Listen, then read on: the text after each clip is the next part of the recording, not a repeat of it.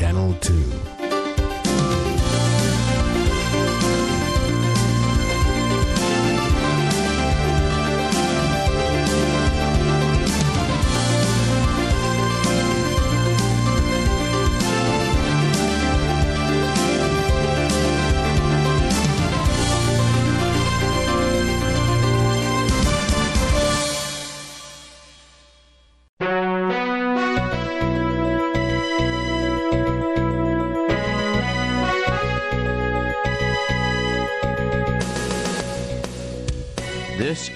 Radio Free Asia.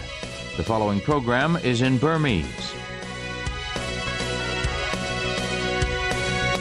မင်္ဂလာနေ့နဲ့ခင်ပါရှင်လွတ်လပ်တဲ့အာရှအသံ RFA ရဲ့2021ခုနှစ်စက်တင်ဘာလ23ရက်ကြာသပတေးနေ့နဲ့ခင်းစီစဉ်တွေကိုအမေရိကန်ပြည်ထောင်စုဝါရှင်တန် DC မြို့တော်ကနေစတင်ထုတ်လွှင့်နေပါပြီရှင်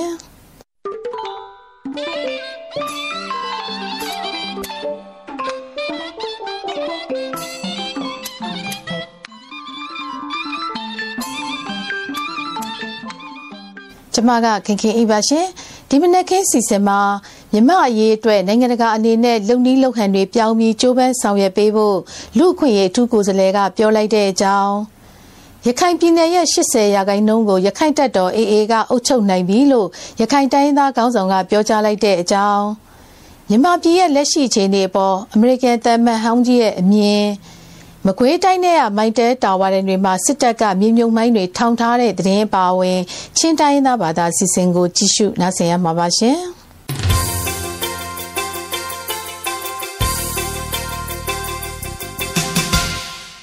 မြမအရေးနဲ့ပတ်သက်လို့နိုင်ငံတကာကြိုးပမ်းမှုမအောင်မြင်တဲ့အတွက်လက်ရှိလုံနည်းလုံဟန်တွေကိုပြောင်းကြဖို့ကုလသမဂ္ဂရဲ့မြန်မာနိုင်ငံဆိုင်ရာလူခွင့်ရေးထူးကိုယ်စားလှယ် Tom Andrews က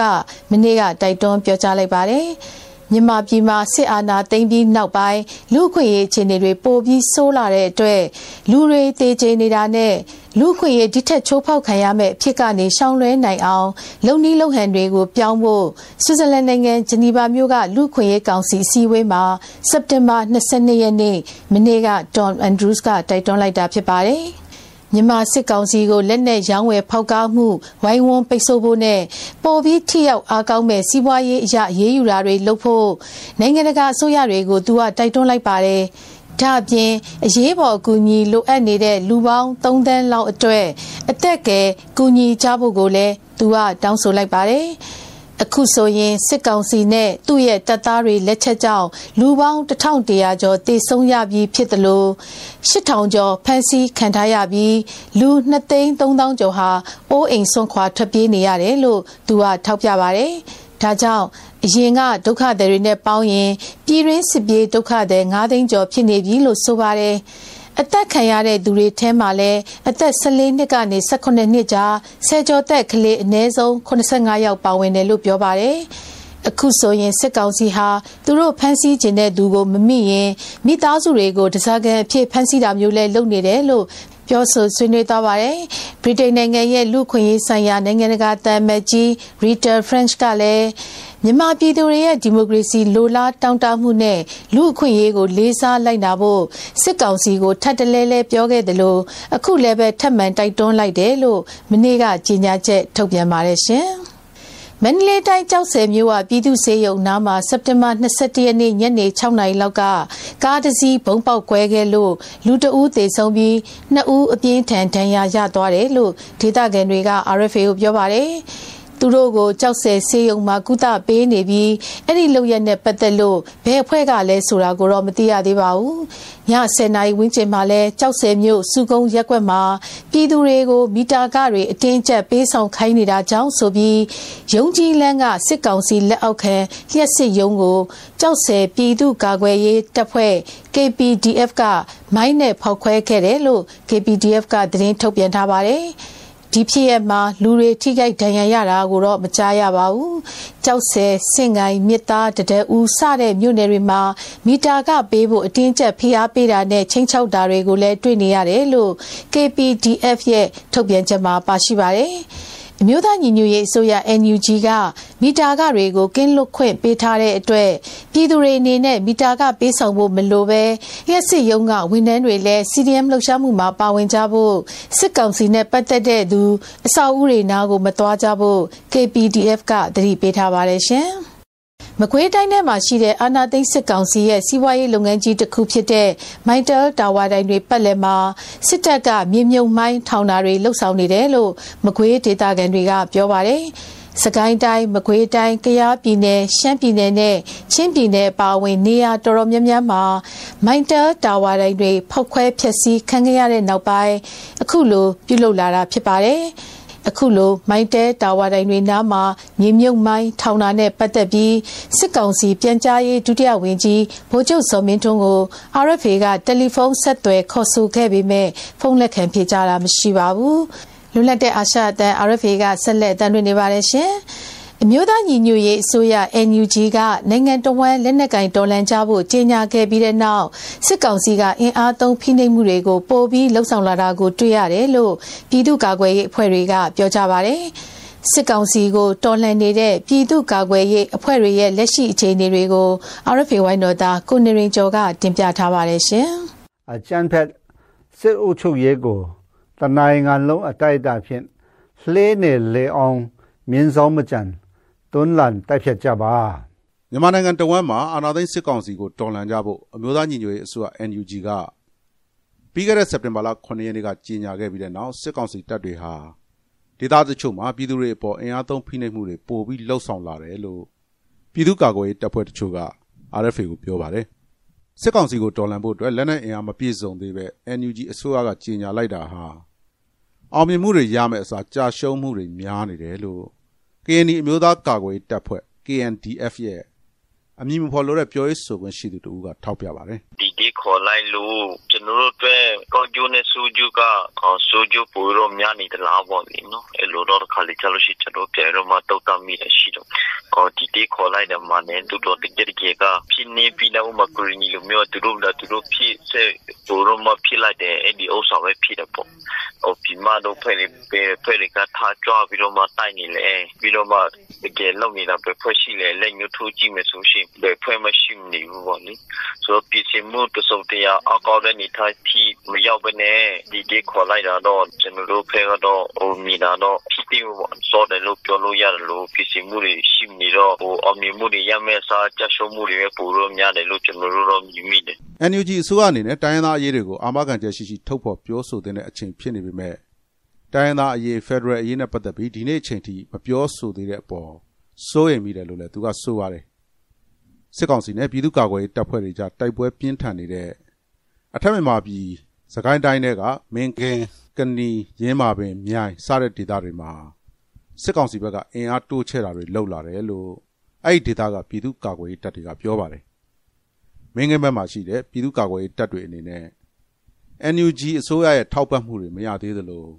ပြည်သူတွေပို့ပြီးနှိပ်စက်ခံရတာအသက်ခံရတာတွေပို့ပြီးကြုံလာရတယ်လို့မင်းငင်း PDF ရဲ့လုံခြုံရေးအရာအမည်ဖော်လို့တဲ့ပြောရေးဆိုခွင့်ရှိသူက RFA ကိုပြောပါတယ် သူတို့က ဘာသူဘာမှ မလုပ်နိုင်နေပြီးတော့ ဘာမှ အကျဉ်းချုပ်မပေးနိုင်နေဒါမျိုးကြီးကျင်လိုက်တာတော့ဘာဆိုးရတယ် အဲ့ဆိုးရတဲ့ပုံမှာ ကျွန်တော်တို့မင်းနဲ့နိုင်ကြောင်းတွေလည်းကျွန်တော်တို့အားလုံးပြောက်တယ်တီတီတွေ မလိုအပ်ဘဲနဲ့ ပို့ပြီးတော့ နှိမ့်ဆက်ခံရတယ်လို့ ပို့ပြီးတော့တက်ချက်ခံရတာလို့ ပို့ပြီးတော့ပစ္စည်းဆုံးရှုံးတာတွေများတယ် သူတို့တောင်းရုံးတာမှရှင်ဘူးဘာမှမရှိဘူးအနေနဲ့ဒီဒေသညာကြီးမှာ ကျွန်တော်တို့ ဘာမှလုပ်လို့မရဘူး ကျွန်တော်တို့လည်းနဲ့ဝင်လမ်းကြောင်းလည်း မရှိတော့ဘူးသူပြီးနေပြတဲ့ရန်ကြီးဆိုင်တာအကုန်လုံးချက်သွားတော့အရင်ကလည်းချောင်းနေဒီဒေသညာကြီးရဲ့နောက်ပိုင်း ကျွန်တော်တို့က ကျွန်တော်တို့လုပ်မဲ့လမ်းကြောင်းကိုတက်သွားတော့အရှင်ကဘာမှမဖြစ်သေးခင် ခေါ်လိုက်တာဟုတ်အဲ့ဒါတော့ ကျွန်တော်တို့ အစိုးရရဲ့ အမှားပေါ့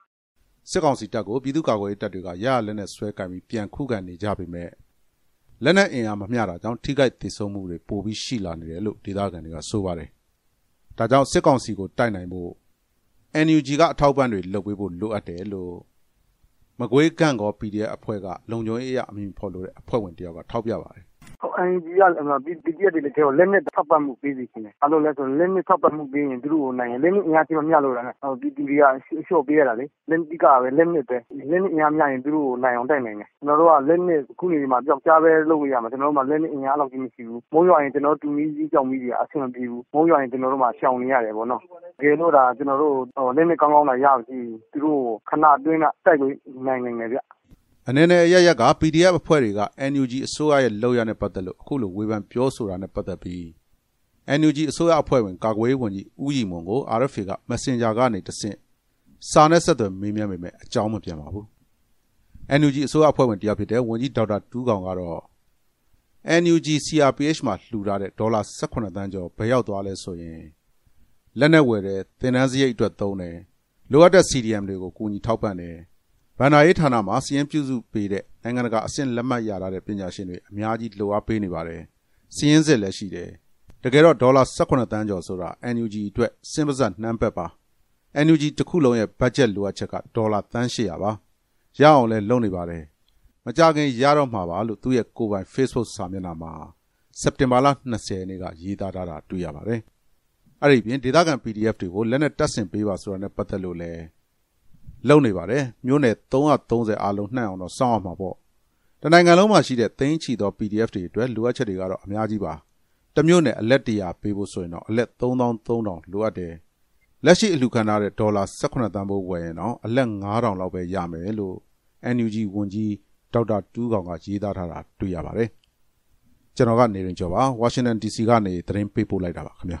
ရခိုင်ပြည်နယ်မှာစစ်ကောင်စီရဲ့အုပ်ချုပ်ရေးရန်တရားလုံးဝပြပြသွားပြီဖြစ်ပြီးဒေသ80ရာခိုင်နှုန်းမှာရခိုင်တပ်တော် AA ကအုပ်ချုပ်ရေးနဲ့တရားစီရင်ရေးကိုထိန်းချုပ်ထားနိုင်ပြီဖြစ်တယ်လို့ထင်ရှားတဲ့နိုင်ငံရေးသမားတဦးဖြစ်တဲ့မြေပုံမြို့နယ်ပြည်သူ့လွှတ်တော်ကိုယ်စားလှယ်ဟောင်းဥဖေတန်းကပြောလိုက်ပါတယ်။ တီးခြားလွတ်လပ်တဲ့နိုင်ငံတစ်ခုဖြစ်ရေးဟာရခိုင်ပြည်သူတရက်လုံးရဲ့အိမ်မက်ဖြစ်ပြီးပြန်လည်ထူထောင်ရေးလုပ်ငန်းတွေကိုဆောင်ရွက်ရမှာ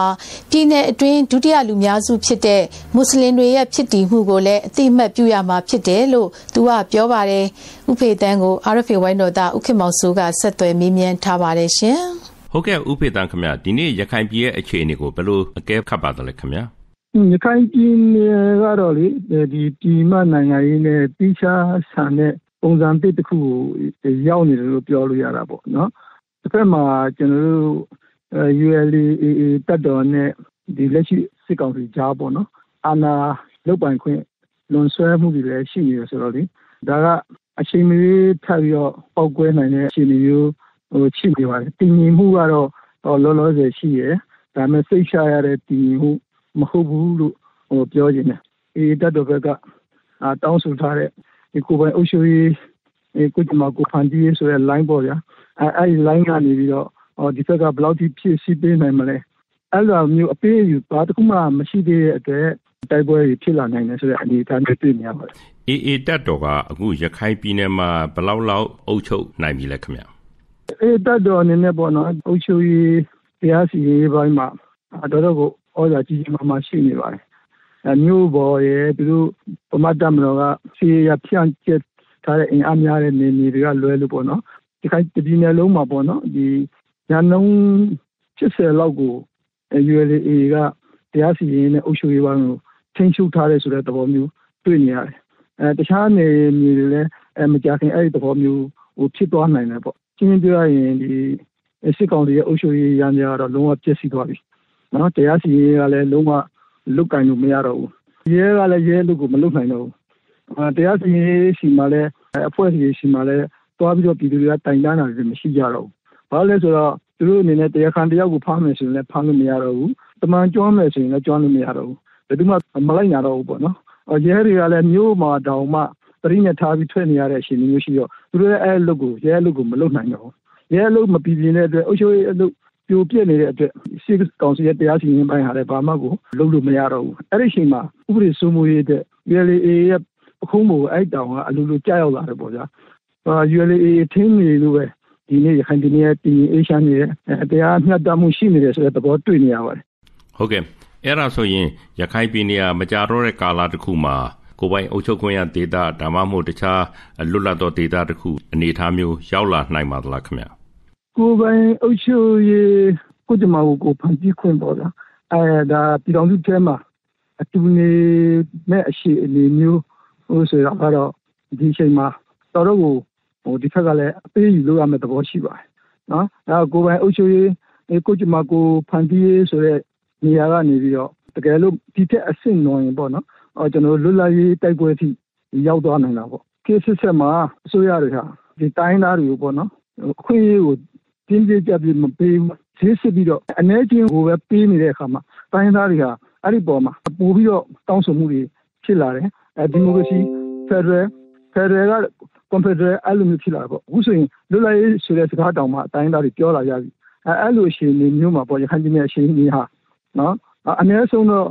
ဘိုးချုပ်ပြောတဲ့အတိုင်းပေါ့ဗျာကွန်ဖက်ဒရယ်ကတော်ပြီးတော့လွတ်လပ်ရေးဆိုတဲ့လမ်းကြောင်းမှုအထိမကင်တဲ့တဲ့ရင်တော့ရောက်သွားနိုင်တာပေါ့နော်အဲ ဒီလိုဆိုရင်တော့တိုက်ပွဲတွေရခိုင်မှာအများကြီးဖြစ်လာပြီးတော့အဆုံးအဖြတ်တစ်ခုကတော့အချင်းချင်းမှာရောက်လာကြရတော့ပေါ့နော်ဟိုဘယ်ဘက်ကရှုံးမယ်ဘယ်ဘက်ကနိုင်မယ်ဆိုတာအတက်မပြောနိုင်ဘူးလက်ရှိမြေပြင်အနေထားရတော့ဟိုရခိုင်တပ်တော်ရဲ့အင်အားကတော်တော်ကိုအင်အားကြီးပါတယ်ပြည်သူတွေရဲ့ထောက်ခံမှုကလည်းလုံးဝရခိုင်နှုန်းကြီးလို့ပြောလို့ရတဲ့အခါမှုလို့ကြီးကျယ်တဲ့တိုက်ပွဲတွေနဲ့အဲနောက်ဆုံးမှာတော့အဆုံးဖြတ်တစ်ခုခုတော့ဖြစ်သွားနိုင်တယ်ဆိုတဲ့အနေအထားမျိုးတော့မြင်တွေ့နေရပါတယ်ရခိုင်တိုင်းသားတွေရဲ့ အဓိကရည်မှန်းချက်ကရခိုင်ပြည်ဟာတိကျလွတ်လပ်သောနိုင်ငံတစ်ခုဖြစ်ပေါ်လာရေးကိုရှေ့ရှုနေပါသလားခင်ဗျာရခိုင်ရဲ့စိတ်ဆန္ဒအများစုကတော့ကိုယ်ကြမှာကိုဖန်တီးနေတာပေါ့တချိန်ကလည်းပဲရခိုင်ပြည်ဆိုတာလွတ်လပ်တဲ့နိုင်ငံတစ်ခုဖြစ်တယ်အဲနှစ်ပေါင်း130ခန်းနှစ်ကိုလိုနီအောက်ကိုကြောက်သွားတယ်အဲ့ဒီချိန်ခါမှလည်းပဲအဲလုတ်ပိုင်ခွင့်ကြီးဘာမှမရှိဘူးတရားဇာတအကုန်လုံးကိုပုတ်သိမ်းစုခံရတယ်အဲရခိုင်ကဒီလောက်မြေခံမြေခံကောင်းပါရဲ့နဲ့ နော်အစင်းရဆုံးပြည်နယ်ဘဝကိုရောက်နေတယ်ဆိုတာရခိုင်ပြည်သူတွေရဲ့မျှော်လင့်ချက်ကတော့ဒီထက်ကောင်းမွန်တဲ့စနစ်မျိုးဖြစ်နိုင်ရင်ကိုယ်ကျမကိုဖန်တီးခွင့်ဖြစ်နိုင်ရင်လုံးဝလွတ်လပ်ခွင့်ပေါ့ကျွန်တော်တို့လိုချင်နေဆိုတဲ့တန်တမှုနော်မျှော်လင့်ချက်ကတော့အကုန်လုံးလိုရှိကြတယ်ဟုတ်ကဲ့လုံးဝလွတ်လပ်ခွင့်ဆိုတာတိကျနိုင်ငံတော်လို့ဆိုလိုတာလားခင်ဗျဒါကတော့ရခိုင်ပြည်ရဲ့အိမ်မက်ပဲကြနော်ဒါမဲ့အဲ့ဒီလွတ်လပ်တဲ့နိုင်ငံတော်အတွက်ဘယ်တော့အဖို့ဆန္ဒပေးရမလဲဆိုတဲ့အပေါ်မှာပြောလေတက်တော်ရဲ့ခေါင်းဆောင်တွေက ရခိုင်ပြည်ကိုထိခိုက်နာကျင်မှုအ ਨੇ ဆုံးနဲ့အကောင်းဆုံးအခြေအနေကိုဖန်တီးပေးနိုင်နိုင်တယ်လို့လည်းရခိုင်ပြည်သူကယုံကြည်နေကြပါတယ်ခင်ဗျနော်မြန်မာပြည်ရဲ့လက်ရှိအခြေအနေကိုရောဥပဒေဘယ်လိုမြင်ပါသလဲခင်ဗျလက်ရှိအခြေအနေကတော့စစ်ကောင်စီနဲ့ NUG ကြားမှာပေါ့နော်ဒီဒီပြိပခါတွေကတော်တော်ကိုဒီနေ့ဒီနေ့ပြင်းထန်လာတယ်ဒီသူတွေရဲ့ခံစားမှုတွေကလည်းတော်တော်ကိုဟိုနာကြီးစိတ်တွေကဒီနေ့ဒီနေ့ပို့ပြီးတော့ဖြစ်ပေါ်လာတယ်အဲစစ်ကောင်စီကလည်းပဲသူတို့ရဲ့ power အရှင်ဝါ သူတို့ရဲ့အင်အားကိုတုံးပြီးတော့သူတို့ရဲ့အသက်အိုးအိမ်စီစဉ်ကိုကောက်ွယ်မှာပဲအဲဒီထက်ကလည်းနောက်ပြန်ဆုတ်မဲ့လမ်းမရှိတော့ဘူးဆိုတဲ့သဘောမျိုးဖြစ်နေတယ်နိုင်ငံရေးအဖြစ်ညှိနှိုင်းဆွေးနွေးပြီးတော့မတော်ဘူးဆိုတော့ဒီပြဿနာကပြည်တွင်းစစ်လုံးလုံးလည်းဖြစ်သွားပြီးတော့နိုင်ငံလည်းထောင်းထောင်းကြေသွားလိမ့်မယ်လို့ကျွန်တော်ထင်တယ်ဒီမိုကရေစီလိုရတဲ့အဖွဲ့အစည်းတွေနဲ့လက်ရှိစစ်ကောင်စီကြားမှာစိစဆွေးနွေးလို့ရနိုင်မဲ့အနေအထားရှိတယ်လို့ဥပဒံထင်သလားခင်ဗျာဒီလိုအခြေအနေမျိုးဖြစ်ဖို့ ရခိုင်လုံးတော်တော်နည်းပါတယ်ရခိုင်မြို့နေထိုင်တဲ့အစ္စလမ်ဘာသာဝင်တွေရဲ့အနာဂတ်ကိုဘယ်လိုရှုမြင်လဲခင်ဗျာရခိုင်ပြည်နယ်မှာမွတ်စလင်တွေကဒုတိယလူကြီးအများဆုံးဒီမျိုးတစ်မျိုးဖြစ်ပါတယ်ပြီးတော့ရခိုင်ပြည်နယ်ကိုထူထောင်ကြမယ်ဆိုရင်ဒီမွတ်စလင်တွေရဲ့အဲဒီဖြစ်တည်မှု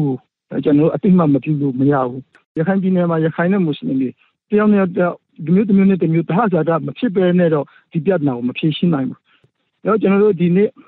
ULA တက်တော်ကတော့ဒီကိစ္စကိုကင်နိုင်လိမ့်မယ်လို့ကျွန်တော်ယူဆတယ်။အဲမွတ်စလင်တွေကိုလည်းအုပ်ချုပ်ရေးပိုင်းတွေမှာတရားစီရင်ရေးပိုင်းတွေမှာဒီရဲလုံငန်းတွေမှာအောင်ဖို့ ULA အတွက်ကဖိတ်ခေါ်ထားတာလည်းရှိတယ်။အာတယောက်ရဲ့သဘောထားတယောက်ရဲ့နားလည်သွားမယ်ဆိုရင်အဲဒီပြဿနာကြောင့်ကျွန်တော်တို့ဒီခိုင်ဒီနယ်ဖွံ့ဖြိုးတိုးတက်ရေးအခက်အခဲအကျက်တဲ့ဟာလွန်မြောက်သွားနိုင်မလို့ယူဆတယ်။အဲဒီလိုအခွင့်အခါမျိုးအဲ့ဒါမြင်းရှင်းဆိုင်ဆွေးနွေးမှုမျိုးကိုတခါမှအာဒီအစိုးရကမဖန်တီးခဲ့ဘူး။ ဂျာဆရာကြီးလုပ်ပြီးပဲသူတို့ကနိုင်ငံရေးကစားကြတယ်။အဲ့ဒီနေ့တော့ ULA ကဒီပြဿနာကိုကောင်းကောင်းကင်တွယ်နိုင်ပါလိမ့်မယ်။အနာဂတ်ရခိုင်ပြည်နယ်ရဲ့ဖွံ့ဖြိုးတိုးတက်မှုအစည်းအရုံးညီညွတ်မှုပြသနိုင်တဲ့ကြောက်ရွံ့တစ်ခုဖြစ်လာလိမ့်မယ်လို့ကျွန်တော်တို့ယူဆတယ်။ဟုတ်ကဲ့ဥပဒံကျေးဇူးပါ။ကျွန်တော်ခင်မောင်ဆိုပါဝါရှင်တန် DC ကတင်ပြလိုက်ပါတယ်ခင်ဗျာစစ်တပ်ကအာဏာသိမ်းထားတာကိုငြင်းချမ်းတဲ့နည်းနဲ့ဖြေရှင်းဖို့စ조사ခဲ့ပေမဲ့အာဏာသိမ်းစစ်ကောင်စီကလက်မခံတဲ့အတွက် မြန်မာပြည်သူတချို့ဟာလက်နက်ဆွဲကင်တော်လှန်လာကြတာကိုနားလည်ပေးလို့ရတယ်လို့မြန်မာနိုင်ငံဆိုင်ရာအမေရိကန်တမန်ဟောင်းမစ္စတာစကော့မာစီယယ်ကပြောလိုက်ပါတယ်အပြည့်အစုံကို RFA ဝိုင်းတော်သားကိုရဲကောင်မြင့်မောင်ကပြောပြပါမယ်ရှင်စက်တင်ဘာလ22ရက်မနေ့ကအမေရိကန်နိုင်ငံယေးတက္ကသိုလ်ကပြုလုပ်တဲ့စစ်တပ်ကအာဏာသိမ်းပြီးနောက်ပိုင်းမြန်မာနိုင်ငံအခြေအနေကြောင်းဆွေးနွေးပွဲမှာမြန်မာနိုင်ငံဆိုင်ရာအမေရိကန်တန်အမတ်ဟောင်းမစ္စတာစကော့မာစီယက မြန်မာနိုင်ငံအကြက်တဲကိုအာဆီယံအဖွဲ့ကဂျောင်းဝင်ဆောင်ရွက်ပေးဖို့ကြိုးပမ်းမှုတွေမအောင်မြင်ခဲ့တာနဲ့ပတ်သက်ပြီးလက်ရှိချိန်ဟာစစ်ကောင်းဆောင်တွေနဲ့တွေ့ဆုံဆွေးနွေးတဲ့နီလန်နဲ့ဖြည့်ရှင်းမှုအချိန်မတန်သေးဘူးလို့သုံးသပ်ပါတယ်။ပြီးခဲ့တဲ့စက်တင်ဘာလ9ရက်ကအမျိုးသားညီညွတ်ရေးဆိုရ NUG ကအာနာသိန်းစစ်ကောင်စီကိုတနိုင်ငံလုံးအတိုင်းအတာနဲ့တော်လှန်ကြဖို့တိုက်တွန်းတဲ့ကြေညာချက်ထုတ်ပြန်လိုက်ပြီးတဲ့နောက်အမေရိကန်နဲ့အနောက်နိုင်ငံအစိုးရအချို့ကအကြမ်းဖက်တိုက်ခိုက်တာကိုအာမပေးတဲ့အကြောင်းပြောကြားခဲ့တာနဲ့ပတ်သက်ပြီး မစ္စတာစကော့မာစီယကလက်ရှိအချိန်မှာမြန်မာပြည်သူအချို့ဟာအာဏာသိမ်းစစ်ကောင်စီကိုအကြမ်းဖက်တိုက်ခိုက်တဲ့နည်းလမ်းတွေနဲ့တုံ့ပြန်လာတာကိုသူ့အနေနဲ့နားလည်ပေးလို့ရတယ်လို့ပြောလိုက်ပါတယ် you know, I, I, the way I look at this is that um, the the military created this situation. ကျွန်တော်မြင်တာကတော့မြန်မာနိုင်ငံမှာလက်ရှိအခြေအနေတွေဖြစ်လာအောင်စစ်တပ်ကပဲလုပ်ခဲ့တာပါပထမအာဏာသိမ်းတယ်အဲ့ဒီနောက်ပြည်သူတွေကအကြမ်းမဖက်တဲ့စီရီယန်လှုပ်ရှားမှုတွေ လမ်းပေါ်ထွက်ပြီးငြိမ်းချမ်းစွာဆန္ဒပြတဲ့နီလန်းတွေနဲ့တုံ့ပြန်ခဲ့ကြပါတယ်ဒါပေမဲ့စစ်တပ်ကအလွန်ဆိုးရတဲ့အင်အားသုံးဖြိုခွင်းမှုတွေနဲ့လက်တုံ့ပြန်ခဲ့ပါတယ်အဲ့ဒီလိုလှုပ်လိုက်တဲ့အတွက်မြန်မာပြည်သူတွေဘက်ကတွေ့ဆုံဆွေးနွေးဖို့နဲ့ငြိမ်းချမ်းတဲ့နီလန်းတွေနဲ့ဖြည့်ရှင်းဖို့ရွေးချယ်စရာမကြံတော့ဘူးလို့ဆိုနိုင်ပါတယ်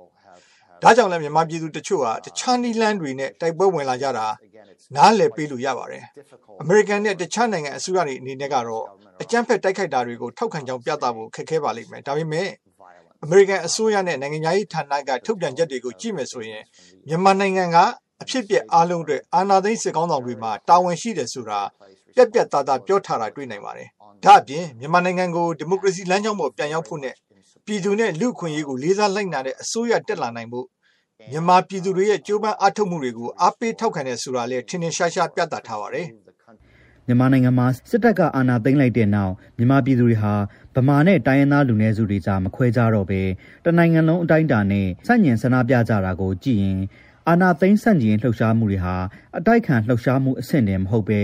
နိုင်ငံအဆင့်တော်လှန်ရေးလှုပ်ရှားမှုလို့ဆိုနိုင်ကြောင်းအာဏာသိမ်းထားတဲ့စစ်ကောင်စီဟာတရားဝင်ဖြစ်မှုလည်းမရှိလူလူထောက်ခံမှုလည်းမရှိပြည်သူတွေရဲ့အကျိုးစီးပွားကိုကာကွယ်ဆောင်ရှောက်လိုစိတ်လည်းမရှိတဲ့အတွက်နိုင်ငံကိုကျူးကျော်သိမ်းပိုက်ထားတဲ့အဖွဲ့အစည်းအဆင့်ပဲရှိတယ်လို့မစ္စတာစကော့မာဆီကပြောပါတယ်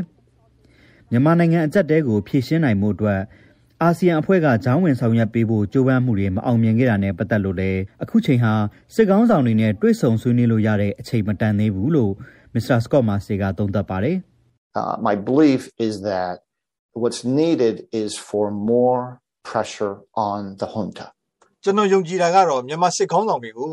ပြည်တွင်းပြည်ပကနေဝိုင်းပြီးဖိအားပေးဖို့လိုပါတယ်အကြောင်းကတော့စစ်တပ်ဟာမြန်မာနိုင်ငံမှာ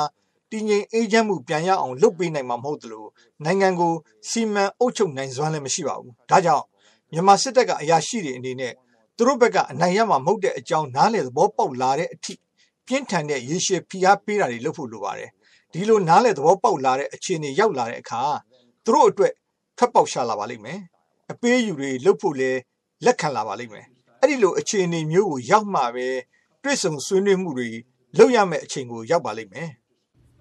လက်ရှိချိန်မှာအာနာသိန်းစစ်ကောင်စီဟာစီးပွားရေးကျဆင်းမှုနဲ့ကပ်ရောဂါကြောင့်ပြည်သူတွေအတိဒုက္ခရောက်နေတာကိုလုံးဝဂရုမစိုက်ဘဲသူတို့အာဏာတည်မြဲဖို့အတွက်ပဲကြိုးပမ်းနေတယ်လို့အာဏာသိမ်းထားတာကိုလည်းအလျှော့ပေးမဲ့အနေအထားမရှိတဲ့အကြောင်းအာနာသိန်းဆက်ညင်လှုပ်ရှားမှုတွေကလည်းအာရော့သွားဖို့မရှိတဲ့အတွက်ရှေ့လျှောက်တိုက်ခိုက်မှုတွေပိုများလာပြီးလာမယ့်အချိန်တိုင်းတာတစ်ခုထိမြန်မာပြည်သူတွေခံစားနေရတဲ့ဆင်းရဲဒုက္ခတွေ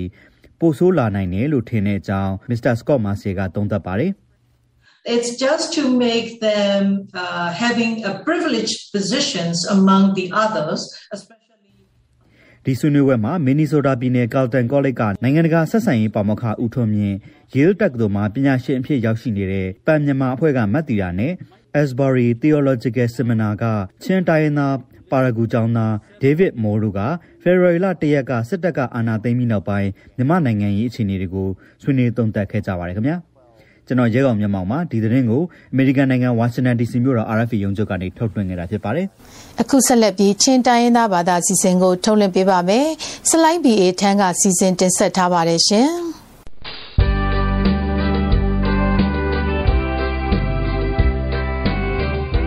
ram sung ram lengi ummi chin miu le naw pol nan dam chaw mo are ve chin program min in nang kut nem kan lau kai September ni le ren ni a chin ram than tlang khwa a koral kap pol le chin miu ta ta u CNF le chin ri ta ka kwa yi ta phwe CDF than tlang pol kar lang ral do nak pol rak changi rakap lami na satakin ka nak ချင်းမျိုးသားတအူ CNF လေချင်းဒေတာကကွယ်ရေးတပ်ဖွဲ့ CDF ထန်တန်ပေါ်ကလန်ရန်ဒိုနက်ပေါ်လာရပ်ချန်ကြီးရကပ်လမီနစတကင်ကနပေါ်ရငါထန်တန်ခွာအာအင်သေးကွာလိုက်မေဥကငင်ပါစာပခတ်အနုနာလျံပြသေစီချက်တင်ထန်တန်ခွဆုံငါရကပ်ပေါ်လင်သာဇာရှမ်ရှမ်ဘငင်ကနက်လေဘွေပီနာပေါ်ရငါตัวซูมีปอจูอนุมงำนอนลวีพันตลังเป็งคอเตลัมและมิโซรัมลามะราลัมตันเรโรเบตซี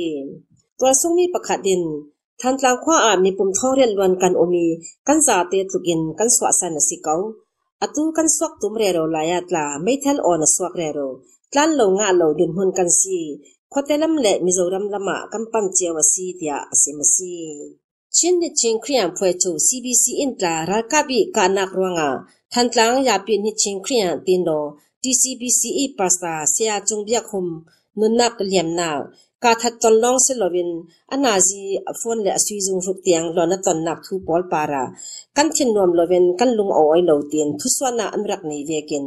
kachin baptist convention kachin ni ching khriam phwe chu kbc in la ရာကဘိကနကရငါခရီဖာပါစတာပခတ်နုနာအလျာမီကမ်ရီအစီယပီဝေဇတင်သူဆွာနာအနေစီကျုပ်ရက်ထောထောဝင်ချင်းပြင်းရဲ့လွတ်တော်ကိုစားပြုကော်မတီ CRCH အင်တာ koral ka polin thantlang ha kha le pengdang pola mi pi pol pari an ka nak le an ti sol nak pol para kan lung kim lo tin september ni kul ni a thu swa na an nei ve si chim ni kon pol la ka phim chem nak lam subject thon PED degree ngam hai sabik tu asi le ya chin ram kul phim chem nak lam kai thai tu bi ချင်းပြည်နယ်ပညာရေးမှုတရားကလာရတွန်းတာတူဆရာကြီးဝန်ကြီးကုမ်စံကွာလက်ကုမ်နေကျူ နေပြီးတော့ခွာအင်တန်ဆန်စီဆရာကြီးဝန်ကြီးအထွန်ထတော်ဆွမ်းနာကင်ဥပနာကန်ရက်လန်တရဒင်းစီဆရာကြီးဝန်ကြီးကျူပခွန်ဒါလေပိစောထိုက်တဲ့အီဖပါစီท่องกับสกว่ากุลหลงกว่าเฟบรุรีนิเรียนเนียเชื่อรำกุลพลามเป้งเล่าจมกว่าอาสวัก ท่องกับสกว่าสมาเลกุมขัดา matriculation examination เขาพลามไฮสคูลคันเจตีกระตวนใต้กุมขัดสูงท่องกับสกว่า ومالكم بيتيام توني تشين لنقول يونيفرسيتي ساجر كتا هون كذا كواس ومالكم رغاهم BA in Education degree ကကမှာဆရာကြီးဗန်ချီချူမင်းဒက်ဟာခါမတူပီပလဝါတန်ဇန်လေထုတ်လိုက်ပေါ်လာတလောင်ဆရာကြီးရက်တွန်ဒါတူအစေပလဝါအာထုံကဇကွာဆမ်လုကလေပခတာတလောင်ဆရာကြီးအတွန်ရရောလာယာအင်္ဂလန်ရမတ်လောင်ကိုင်းနေငင်းချန်ချာရက်ငါလောင်စာကဇရနတ်လောင်ချူကာဒီဖ် college of advanced technology antima atu achun khali khati university the inan kautlan kana khan teaching of uh, diploma postgraduate in diploma of teaching english as a foreign language kabaje e tlong kum kum khasung kabaje this is kangani kom no khan karakia sa sachi wanchi chu chimi laka dictionary ma se pe ro le thai tu se. Kum thong kha zakwa somnga pakwa a English Chin Dictionary rak twa phei zo tu si chia chi wan chi chu chinram kuli amai sabi high school asmi athaka tit flama thongka zakwa samnga priya ti sin thongka zakwa samruk thongka zakwa samruk patni sin thongka zakwa samruk panga thongka zakwa samsari le pali sin thongka zakwa samsari le pasari pola tlong sia chi rak ton dai athaka tit flan tlong sia chi polaka baithum rori tambi rak ton da tu si churanga global flam youth organization gfyo in sia chi wan chi upat sunloina ka athaka taka chit fe nak zin an torel mi ya chia chi van chi zin tin, thong hi le thai ni ya min an rak pe ka si. Rame sin ka ki ti ka ka cha re ni ni chu yam si ti ya. Sa nan zir pe. Thiam kau nan zir pe ka ti re ni nang ko wan ti yang a ti le lai sa ma khan à lê lông lê lông súng thì suốt tiếng man cái này rồi si chúng mình cái sự hàng cái này lại mi bỏ số liang cái này thì là cái suốt cái này tu thật chứ được chỉ mi phoni phim chiếm nặng lắm lệ chả lại lâm sang à à tar kun tiang ngin zom re ro tu sia chi van chi chu chin bol pi usa chin community usa in kum tho ne thei kwa sanga zo chin tlak lom man passion of the jail pekin sun loi na an rak to asi tu zar rfa chin tu thang khwan chan chu himwa in kan chol ta ri dingi mai zar tu vek chana ngai sal ding in kan lau som nan za tin mang tha ချတာပရင်းနေတဲ့ခင် RFA ရဲ့အတန်လွှင့်ချက်တွေကိုလည်းဒီမှာပဲရနာခွင့်ပြုပါရှင်ဒီနေ့မနေ့အစီအစဉ်ကိုတာဝန်ခံအက်ဒီတာကိုနေရင်ကျော်အစီအစဉ်ထုတ်လုပ်ရေးမှူးကိုဂျေနဲ့အတူ RFA ဝိုင်းတော်သူဝိုင်းတော်သားတွေပူးပေါင်းတင်ဆက်ခဲ့တာဖြစ်ပါတယ် RFA ကိုကြည့်ရှုနားဆင်တဲ့အတွက်လည်းကျေးဇူးတင်ပါတယ်တောတက်ရှင်မြမပြည်သူပြည်သားအားလုံးလည်းဘေးရန်ခတ်သိမ်းကင်းငြိမ်းကြပါစေရှင်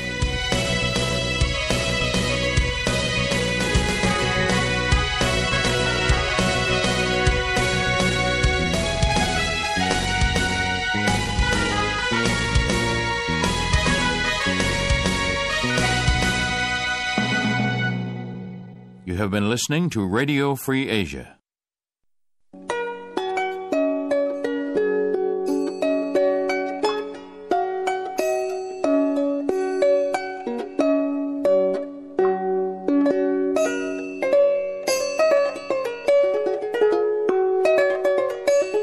This is Radio Free Asia.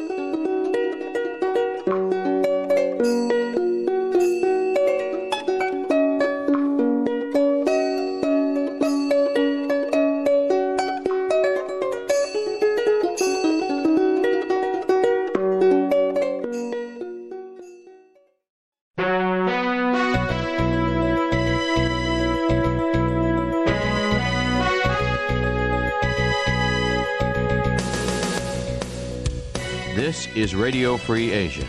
The following program is in Burmese. မင်္ဂလာနေ့နဲ့ခင်ပါရှင်လွတ်လပ်တဲ့အာရှအသံ RFA ရဲ့2021ခုနှစ်စက်တင်ဘာလ23ရက်ကြာသပတေးနေ့နဲ့ခင်းစီစဉ်တွေကိုအမေရိကန်ပြည်ထောင်စုဝါရှင်တန် DC မြို့တော်ကနေစတင်ထုတ်လွှင့်နေပါပြီရှင်